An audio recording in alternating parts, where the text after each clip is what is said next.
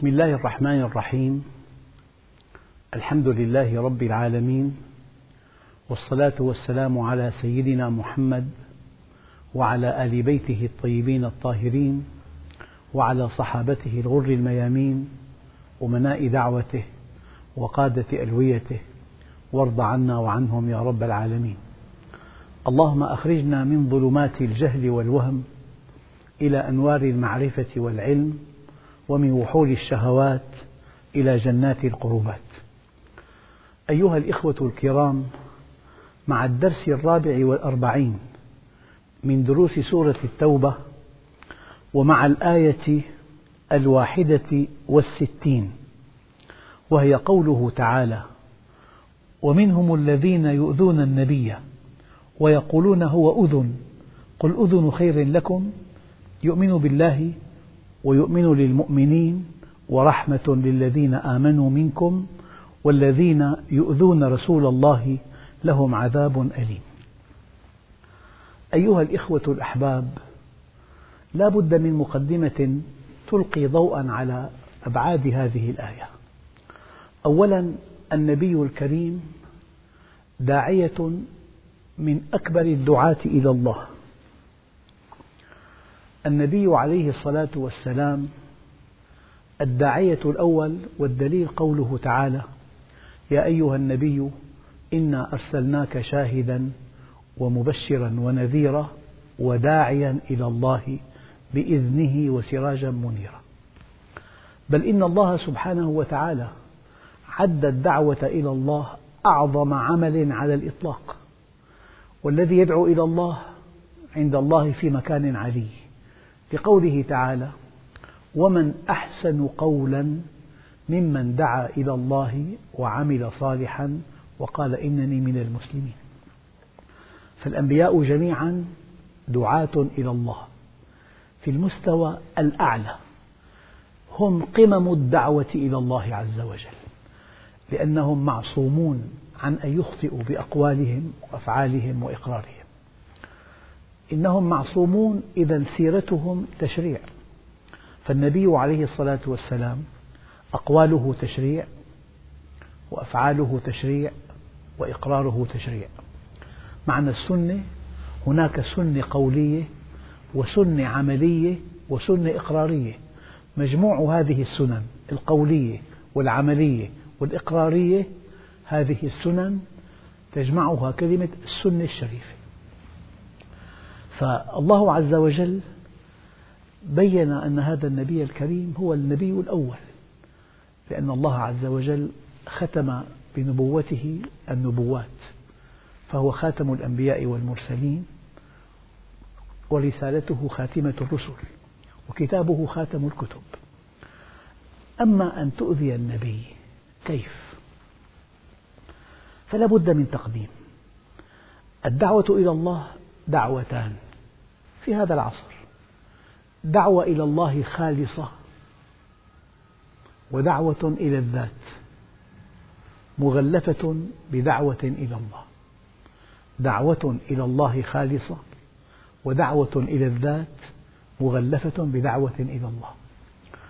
يهمنا أن نعرف خصائص الدعوة الصادقة الدعوة الصادقة أساسها الاتباع بينما الدعوة إلى الذات أساسها الابتداع.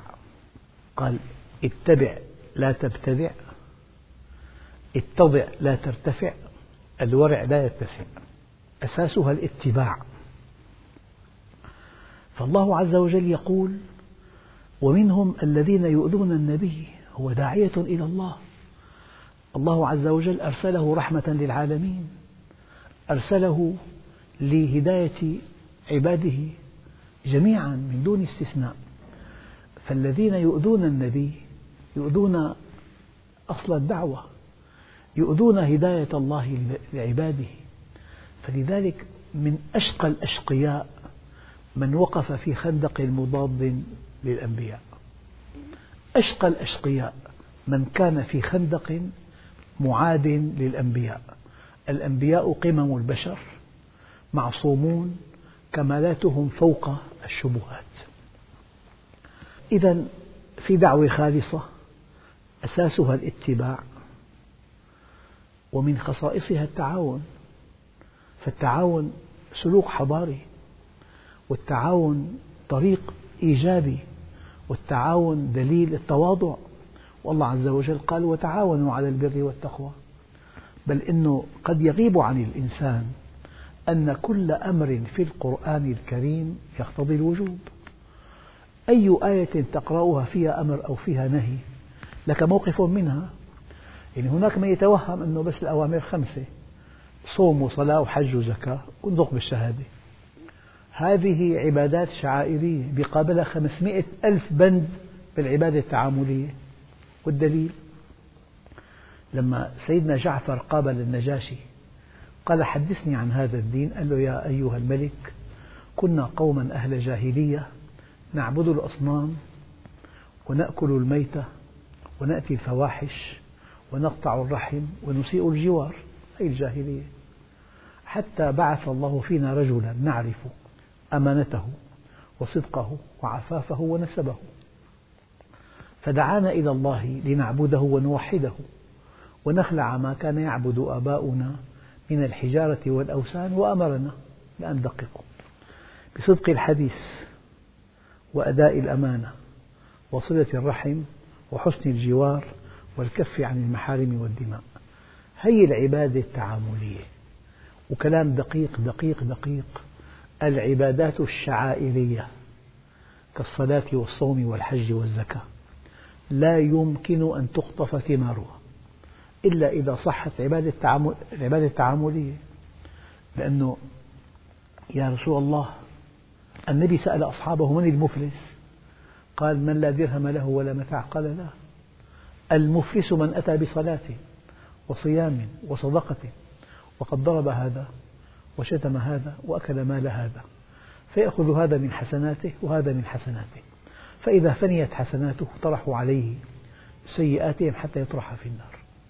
إذا العبادة الشعائرية كالصلاة والصيام والحج والزكاة لا تقطف ثمارها إلا إذا صحت العبادة التعاملية. فالنبي الكريم أمر بالصدق أمر بالأمانة بالاستقامة بالتواضع. كل مكارم الأخلاق هي عبادة تعاملية. نعم. وحينما غفل المسلمون عن العبادة التعاملية وصلوا إلى ما وصلوا إليه. لأنه الله عز وجل حينما وصف النبي هو نبي ورسول ويوحى إليه و كل هذه الخصائص أغفلها الله. لما مدحه قال له وإنك لعلى خلق عظيم لذلك قال الإمام ابن القيم الإيمان هو الخلق فمن زاد عليك في الخلق زاد عليك في الإيمان. فهذا الإنسان الذي دعا إلى الله ينبغي أن يكون مطبقا لمنهج رسول الله وينبغي أن يتعاون مع بقية الدعاة. يعني في عنا تنافس وعنا تعاون. التنافس سلوك متخلف أما التعاون سلوك حضاري. فالداعية إلى الله المخلص يتبع ويتعاون. وفي شيء آخر يعترف بالآخر. الآن في مصطلح جديد اسمه الإقصاء. الإنسان اللي له مصلحة مادية في الدعوة أو يحصل مكاسب دنيوية من الدعوة يريد أن يقصي الآخر أن لا يدع مجال للآخر أن يتعاون معه إطلاقا. فلذلك الدعوة إلى الله فرض عين على كل مسلم لكن في حدود ما تعلم ومع من تعرف. الذي أريد من هذه الآية أن منهم الذين يؤذون النبي.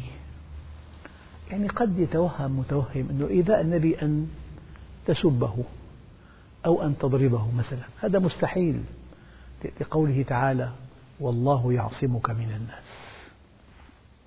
يعصمك. لكن الإيذاء هنا ألا تؤمن به. الإيذاء ألا تستجيب له.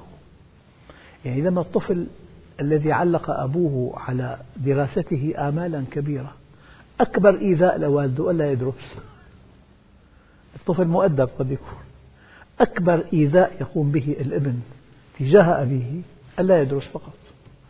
فإيذاء النبي ليس بشتمه ولا بضربه. إيذاء النبي بعدم استجابة دعوته إن رحمته كبيرة هو أرحم الخلق بالخلق. فإذا رأى إنسان شرد عن الله يتألم له لا عليه.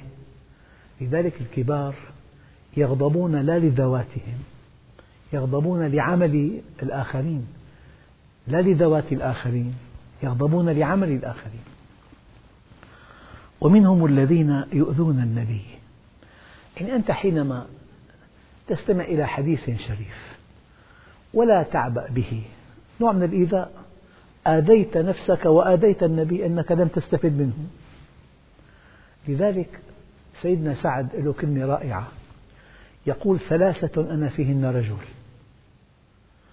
كلمة رجل في القرآن والسنة تعني أنه بطل.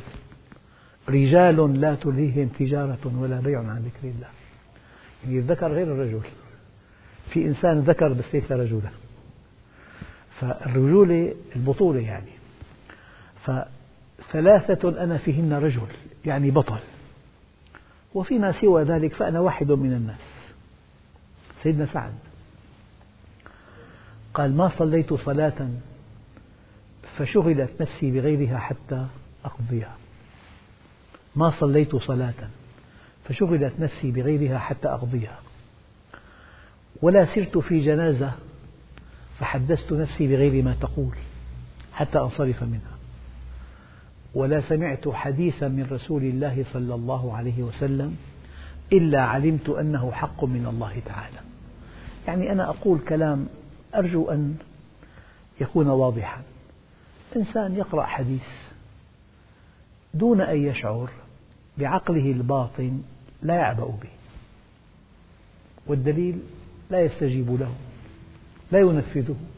إذا في حديث شريف في أمر أو في نهي لمجرد أنك لا تستجيب له فأنت لم تعبأ به. يعني مثلا لو زرت طبيب وعالجك عمل لك وصفة طبية. أنت كنت مؤدب جدا معه وصافحته وشكرته. ولم تشتري هذا الدواء. عدم شرائك لهذا الدواء دليل أنك لا لست مقتنعا بعلمه. هذا نوع من التكذيبة. أنت كنت مؤدب جدا معه. لما دفعت له أتعاب وشكرته على معاينته لك لمجرد أنك لم تشتري الدواء. فأنت لست واثقا من علمه. هذا نوع من التكذيب. ما في داعي إنسان يكتب مقالة ضد النبي الكريم. لأنه ما استجاب لأمر النبي. ما طبق سنته. ما أخذها كمنهج للحياة. ما رآها هي من عند الله. لا ينطق عن الهوى. إن هو إلا وحي يوحى. لأنه أخذ موقف سلبي. هذا نوع من أنواع التكذيب. تماما كالذي يزور طبيب طبيب جيد لكنه توهم أنه باختصاصه غير متفوق. فلعدم شراء الدواء دليل أنه أعطاه مرتبة دون التي يتمنى. فإيذاء النبي هو بعدم تطبيقه لمنهجه. لذلك الإسلام لا بد من أن يؤخذ بأكمله. منهج كامل. في بحياتنا أشياء كثيرة لك أن تأخذ بعضها وأن تدع بعضها الآخر. بس هذا الدين دين كامل. بيغطي كل حاجاتك بيغطي كل نشاطاتك بيغطي كسب مالك إنفاق مالك علاقتك ببيتك مع زوجتك مع أولادك إمضاء وقت فراغك أحيانا. فإذا درست هذا الإسلام كدين تجده يغطي كل نشاطاتك من دون استثناء. كيف أنا بقول دائما؟ من أدق خصوصيات الإنسان من فراش الزوجية ومن أكبر الموضوعات في الدنيا العلاقات الدولية. فهذا المنهج الإلهي الإسلامي يبدأ مع المؤمن من فراش الزوجية وينتهي بالعلاقات الدولية. منهج كامل. لكن المسلمين قصروه على العبادات الشعائرية. بيصلي أما الدخل حرام. بيصلي الإنفاق حرام بيصلي نشاط اجتماعي محرم في اختلاط في كشف عورات في كلام لا يليق في غيبة في نميمة تلاقي هو بيصلي. كيف الدين ضغط إلى الصلاة والصيام والحج والزكاة؟ هذا الذي يعاني منه المسلمون اليوم. فإيذاء النبي كلام دقيق. إيذاء النبي يعني فضلا عن أن تؤذيه إيذاء ماديا. هذا شيء شبه نادر. أو أن تؤذيه إيذاء كلاميا. عدم تطبيق سنته يعد إيذاء له. عدم أخذ منهجه. لأنه قال تعالى وما كان الله ليعذبهم وأنت فيهم. آية دقيقة جدا. لها معنى واضح في حياة النبي الكريم. ما دام النبي بين ظهرانيهم هو في مأمن من عذاب الله. لكن ما معنى الآية بعد انتقال النبي إلى الرفيق الأعلى؟ لكن ما معنى الآية بعد انتقال النبي إلى الرفيق الأعلى؟ المعنى يا محمد ما دامت سنتك مطبقة في حياتهم فهم في مأمن من عذاب الله. ما دامت سنتك منهجك أمرك ونهيك مطبقا في حياتهم فهم في مأمن من عذاب الله. أما إذا لم تكن مطبقة معهم بحبوحة ثانية وما كان الله ليعذبهم وهم يستغفرون. فإما أن تكون وفق منهج رسول الله فأنت في مأمن من عذاب الله. وإما أن تستغفر فأنت أيضا في مأمن. أما لا يطبق ولا يستغفر هو أصبح الآن معرضا لتأديب إلهي. فإيذاء النبي عدم تطبيق سنته.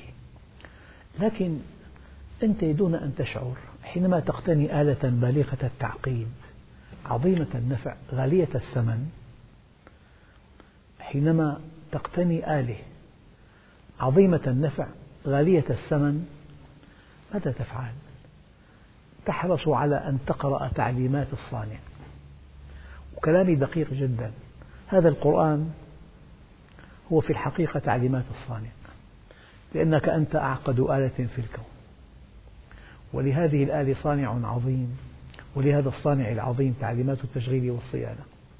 فانطلاقا من حرصك على سلامتك وعلى سعادتك وعلى أن تعيش حياة آمنة مطمئنة ينبغي أن تتبع تعليمات الصانع. فالصانع يقول لك يجب ألا تؤذي النبي بعدم استجابتك لدعوته. مرة ثانية إيذاء النبي قولا أو فعلا المعنى نادر جدا والمعنى قل ما يحدث لأن الله يعصمه من الناس. لكن الذي يحصل عدم الاستجابة له أو تسفيه سنته.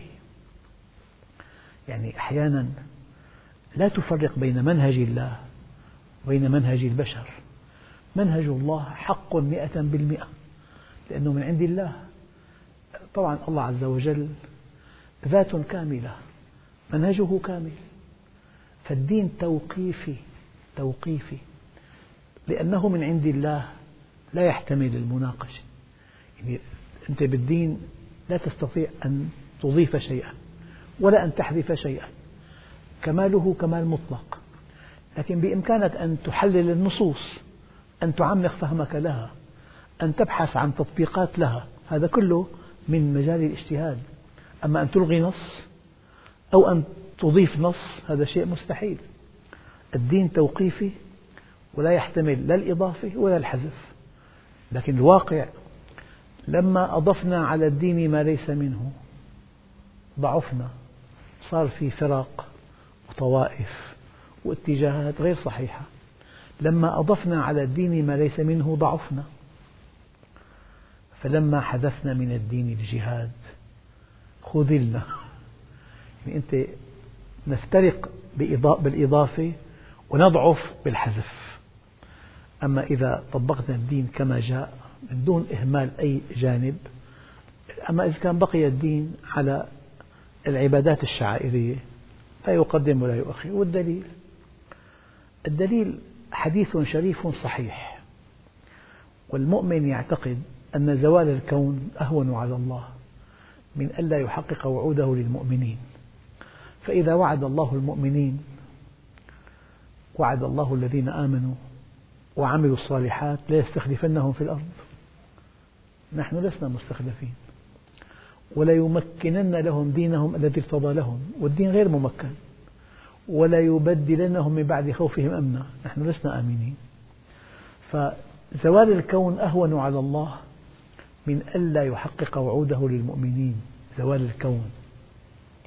فإن كانت هذه الوعود غير محققة فالجواب الطبيعي والصحيح والدقيق أننا لم نكن في المستوى الذي أراده الله عز وجل. فلذلك الاستخلاف في الأرض هي شرف عظيم سمح الله لنا به أن يستخلفنا عن ذاته العلية كي ننشر هذا الدين لخلقه. وعد الله الذين آمنوا منكم وعملوا الصالحات ليستخلفنهم في الأرض كقانون كما استخلف الذين من قبلهم. وليمكنن لهم دينهم الذي ارتضى لهم ولا يبدلنهم من بعد خوفهم أمنا. يعبدونني. فإذا أخل الطرف الآخر بما عليه من عبادة فالذات الإلهية في حل من وعودها الثلاث. هذا الواقع. إذا إيذاء النبي عدم تطبيق سنته وعدم تطبيق منهجه في بيتك وفي عملك وفي حلك وفي ترحالك وفي كسب مالك وفي إنفاق مالك وما كان الله ليعذبهم وأنت فيهم.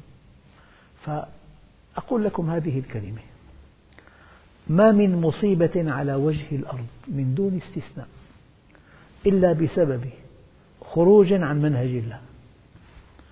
وما من خروج عن منهج الله إلا بسبب الجهل والجهل أعدى أعداء الإنسان والجاهل يفعل في نفسه ما لا يستطيع عدوه أن يفعله به. لذلك الجهل أكبر مشكلة. هلا نحن بنقول أحيانا العدو الأول الاستعمار العدو الأول الصهيونية العدو الأول الجهل والدليل أن أهل النار وهم في النار قالوا لو كنا نسمع أو نعقل ما كنا في أصحاب السعير. يعني السبب هو الجهل. السبب أن الإنسان يحب نفسه. في على وجه الأرض ستة آلاف مليون. ما منهم واحد إلا وهو يحب لنفسه السلامة والسعادة. مطلبان أساسيان لكل إنسان على وجه الأرض. من المؤمنين وغير المؤمنين من كل الطوائف والملل والنحل والأعراق والأنساب. هذا مطلب لكل إنسان السلامة والسعادة. لماذا يشقى الإنسان؟ ومطلبه الأساسي السلامة والسعادة؟ لأنه ما عرف طريق السلامة والسعادة. فإذا واحد الله عز وجل أكرمه ودله على طريق السلامة والسعادة فهو من المقربين من الله عز وجل. هذا منهج الخالق. يعني أنت لو سافرت إلى بعض بلاد العالم هناك من يعبد البقر هناك من يعبد الشجر هناك من يعبد الشمس والقمر هناك من يعبد أمواج البحر هناك من يعبد الجرزان في آسيا. الجرزان معابد عملاقة. أنا عندي مجلة ألمانية فيها تفاصيل مذهلة. يعبدون الجرزان.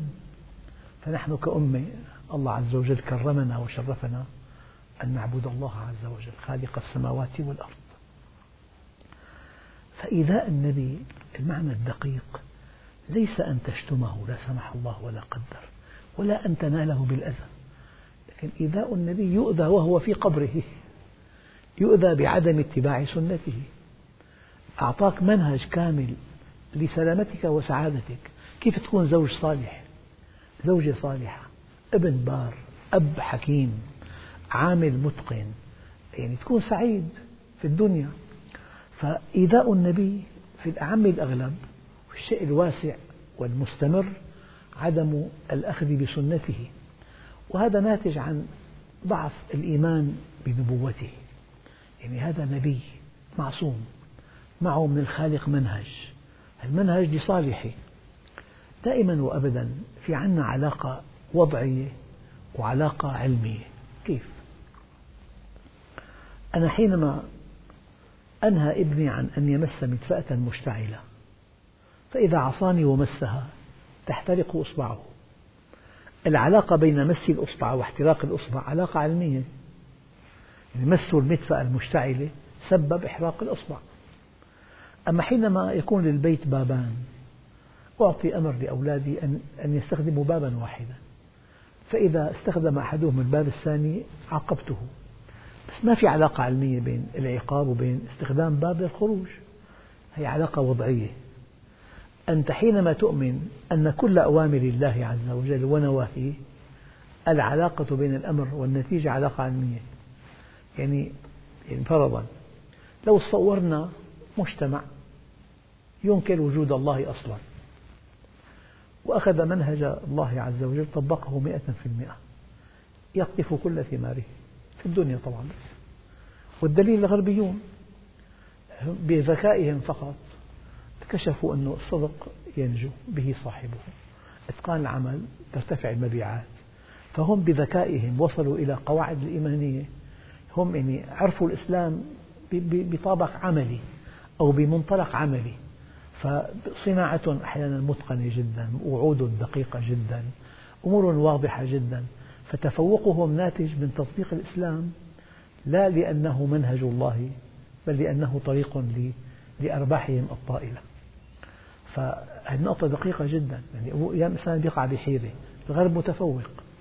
والدليل الله قال فلما نسوا ما ذكروا به فتحنا عليهم أبواب كل شيء. أتقنوا الدنيا. أعطوا كل إنسان حقه. أخذوا بالأسباب فارتقوا. لذلك ابن أحد العلماء الكبار يقول إن الله ينصر الدولة الكافرة العادلة على الدولة المسلمة الظالمة. الأصل الدنيا تصلح بالكفر والعدل ولا تصلح بالإيمان والظلم.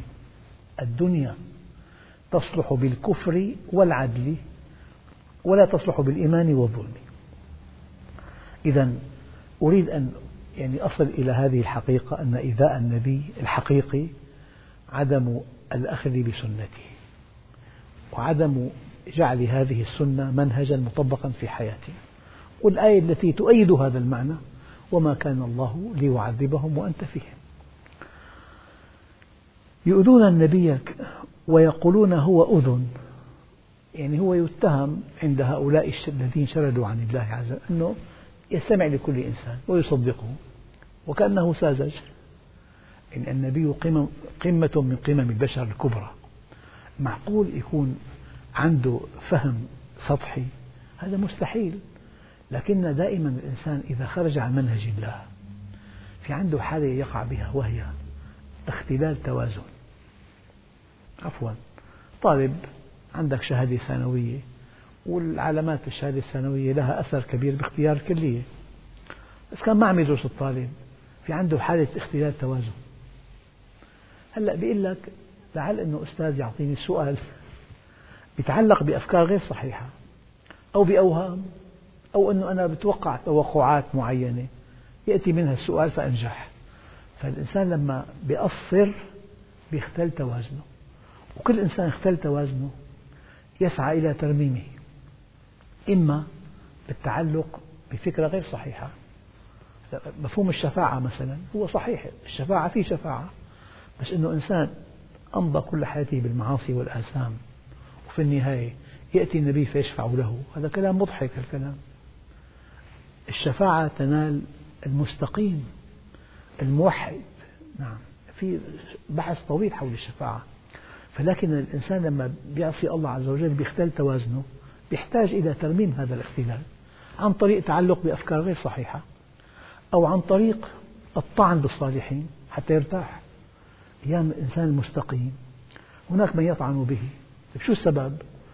العاصي اختل توازنه فحتى يرمم نفسه مرة أستاذ سأل طالب وين وظيفتك؟ قال له ما لنا كاتبين قال له أنت كم واحد؟ توهم الطالب أنه إذا كان ما لنا كاتبين كلياتنا وضع طبيعي قال له أنت واحد قول مالي كاتب مو ما لنا كاتبين فالإنسان لما بيختل توازنه بيعمم. الناس كلها وضعها هكذا. ما بيحب أنه يشوف واحد مستقيم. مستقيم بيكشف له وضعه. إذا يؤذون النبي ويقولون هو أذن. طبعا هذا من من اتهامات كفار قريش للنبي الكريم. فرد الله عليهم وقال قل أذن خير لكم. أذنه تصغي إلى الوحي. معه وحي السماء. النبي الكريم معه وحي السماء. معه منهج خالق السماوات والأرض. معه الصح المطلق. معه الحق المطلق. معه افعل ولا تفعل. معه تعليمات التجهيل والصيانة للإنسان. معه تعليمات سلامتك وسعادتك. وحي. طبعا كلام البشر في خطأ وفي صواب. أما كلام الوحي كمال الوحي كمال مطلق. فلذلك أنت لما بتقرأ أحاديث النبي الصحيحة أنت مع وحي السماء. إذا قرأت القرآن مع وحي السماء لذلك كتابان أو شيئان ما إن تمسكتم بهما فلن تضلوا أبدا كتاب الله وسنة رسوله. الكتاب والسنة إن تمسكنا بهما لن نضل أبدا.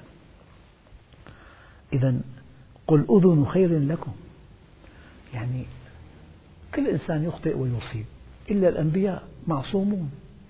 فكلام النبي حق مئة بالمئة وما نهاك إلا عن شيء يؤذيك ولا أمرك إلا بما ينفعك فإنسان معه بعدين النبي بشر.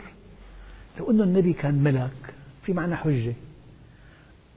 قال الكلام الدقيق إنما أنا بشر مثلكم. يوحى إلي الآية القرآنية. بعدين أنه أنا يؤذيني ما يؤذي أي إنسان. يؤذيني ما يؤذي إنسان وأخاف مما يخاف أي إنسان. أي أنه لولا أنه بشر. تجري عليه كل خصائص البشر لما كان سيد البشر. في بعض أحاديثه أوذيت في الله ولم يؤذى أحد مثلي وخفت في الله وما خاف أحد مثلي. ومضى علي ثلاثون يوما لم يدخل جوفي إلا ما يواريه إبط بلال. هو بشر. لولا أنه تجري عليه كل خصائص البشر لما كان سيد البشر. يشتهي المرأة لكنه ضبط نفسه. يشتهي المال لكنه ضبط نفسه. فلولا أنه بشر وتجري عليه كل خصائص البشر لما كان سيد البشر. لذلك لقد جاءكم رسول من أنفسكم. يعني هو إنسان. في بعض الكتب محمد الإنسان. هو إنسان. لكنه انتصر على إنسانيته وسمى إلى ربه فكان سيد البشر. بعدين يعني هناك من يقول أنه هذا نبي أو هذا نبي فعلا وأنت لن تكون نبيا بس أنت مكلف أن تأخذ منه ما أمرك. والدليل إن الله أمر المؤمنين بما أمر به المرسلين. أمر المؤمنين بما أمر به المرسلين. إذا أذن خير يتلقى الوحي من السماء وينقله لكم. طيب الوحي هو القرآن. كيف فسروا؟ بالحديث. يعني بشكل أو بآخر سنة النبي القولية والعملية والإقرارية بيان نبوي لما في القرآن.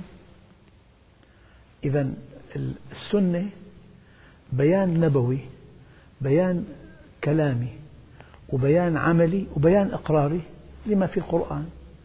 فإذا أردت أن تفهم القرآن فاقرأ سنة النبي العدنان. بالضبط. يؤمن بالله. قل أذن خير لكم. يؤمن بالله ويؤمن للمؤمنين. يعني يصدق المؤمنين. من صفات بعض أهل الدنيا التكذيب. بيكذب. هم في شك يلعبون. بشك بأي شيء. هم في شك يلعبون يعني كأن الله عز وجل وصف المجتمع في نهاية الزمان بصفتين. في شك من كل شيء. يلعبون اللعب عمل غير هادف. فبتلاقي مسابقات واحتفالات ومعارض وأشياء كلها هدفها آني محدود ينتهي بزوالها. بس ما في أعمال كبيرة جدا ترقى بالإنسان إلى أبد الآبدين. فلذلك هم في شك يلعبون. اللعب قد يبدأ بلعبة أطفال بس أيام حياتنا لعب. يعني في مثلا أعمال كبيرة جدا بس تنتهي عند الموت. فالإنسان لما بيآمن بالآخرة أقسم لكم بالله ونعني ما أقول أنك إذا آمنت بالله الإيمان الحقيقي ثم آمنت باليوم الآخر والملاحظة الدقيقة أن أكثر ركنين من أركان الإيمان. وردا في القرآن معا الإيمان بالله واليوم الآخر. في إله له منهج وفي يوم تحاسب عليه. أنت إذا آمنت بالله الإيمان الذي أراده الله. وباليوم الآخر الإيمان الذي أراده الله. لا يمكن أن تعصيه. أبدا. يعني أنا أوضح مثل أسوقه لإخوتي الكرام. أنت مواطن عادي. راكب مركبتك والإشارة حمراء والشرطي واقف وفي شرطي آخر على دراجة وفي ضابط مرور بسيارة وأنت مواطن عادي ممكن تتجاوز الحمراء؟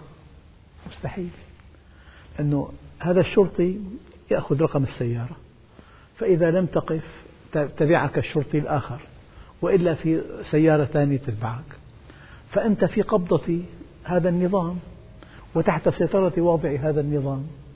فأنت حينما تؤمن أن الذي أمر يعلم ويحاسب لا يمكن أن تعصيه. هو الدليل. الله الذي خلق سبع سماوات ومن الأرض مثلهن. يتنزل الأمر بينهن لتعلموا. دقيق. أن الله على كل شيء قدير وأن الله قد أحاط بكل شيء علما. الله اختار من كل أسمائه القدرة والعلم. يعني يعلم وسيحاسب. أنت ليس مع خالق السماوات والأرض مع إنسان مثلك. إذا كان يعلم وسيحاسب. يعني أحيانا التاجر يستورد لكن هو يعلم يقينا في نسخة من هذا الاستيراد راح للمالية. فممكن يخفي عن المالية حساباته. كل شيء استورده نسخة من هذا الاستيراد يذهب إلى المالية. فإذا أخفى حساباته تهدر حساباته. بكلف بمبالغ طائلة. فأنت لما بتعرف إنسان مثلك مثله لكن يعلم وسيحاسب ما بتعصي. فكيف بخالق الأرض والسماوات؟ الله الذي خلق سبع سماوات ومن الأرض مثلهن يتنزل الأمر بينهن لتعلموا. نقطتين. أن الله على كل شيء قدير وأن الله قد أحاط بكل شيء علما. إذا قل هو أذن خير لكم. يؤمن بالله ويؤمن للمؤمنين. المؤمن صادق لأنه فأنت لما تكون صادق إنسان بكذبك تقع بحرج كبير جدا. أما علاقة المؤمنين إذا حدث صدق فالنبي الكريم يؤمن للمؤمنين. يعني أي شيء يقولونه له يصدقه. ورحمة للذين آمنوا منكم. شو الرحمة؟ كلمة واسعة جدا. فإيمانك رحمة. استقامتك رحمة. أن تعرف أن الله خلقك رحمة. أن تعلم علم اليقين في, في بعد الموت في حياة أبدية رحمة هذه. ورحمة للذين آمنوا منكم. والذين يؤذون رسول الله لهم عذاب أليم. يعني ليس من السهل أن الله يرسل إنسان كامل معصوم لخدمة البشر لرقي البشر لسلامة البشر لسعادة البشر وأن تكون أنت في خندق معاد له. لذلك أشقى الناس قاطبة من كان في خندق معاد لأهل الحق. فإذا كنت مع الحق هي نعمة كبيرة جدا والحق واحد لا يتغير. أنا أقول دائما ما الحق؟ الحق دائرة تتقاطع في هذه الدائرة أربعة خطوط. خط النقل الصحيح. في نقل غير صحيح. في حديث موضوع. في حديث ضعيف. في تأويل آية غلط. خط النقل الصحيح. يعني نصا وتأويلا. وخط العقل الصريح في عقل تبريري. فكل إنسان عاقل. يرتكب المعاصي الكبيرة ويعطيها تبرير إيديولوجي معين. وخط العقل الصريح وخط الفطرة السليمة في فطرة منطمسة وخط الواقع الموضوعي. فإذا اجتمعت في دائرة خط النقد الصحيح والعقل الصريح والفطرة السليمة والواقع الموضوعي فأنت مع الحق. والحق هو الله عز وجل. والذين يؤذون رسول الله لهم عذاب أليم في الدنيا والآخرة. عذاب أليم في الدنيا لأنه خالف منهجه فدفع ثمن المخالفة. في الآخرة كان مع الذين ساق الله لهم عذابا شديدا. والحمد لله رب العالمين.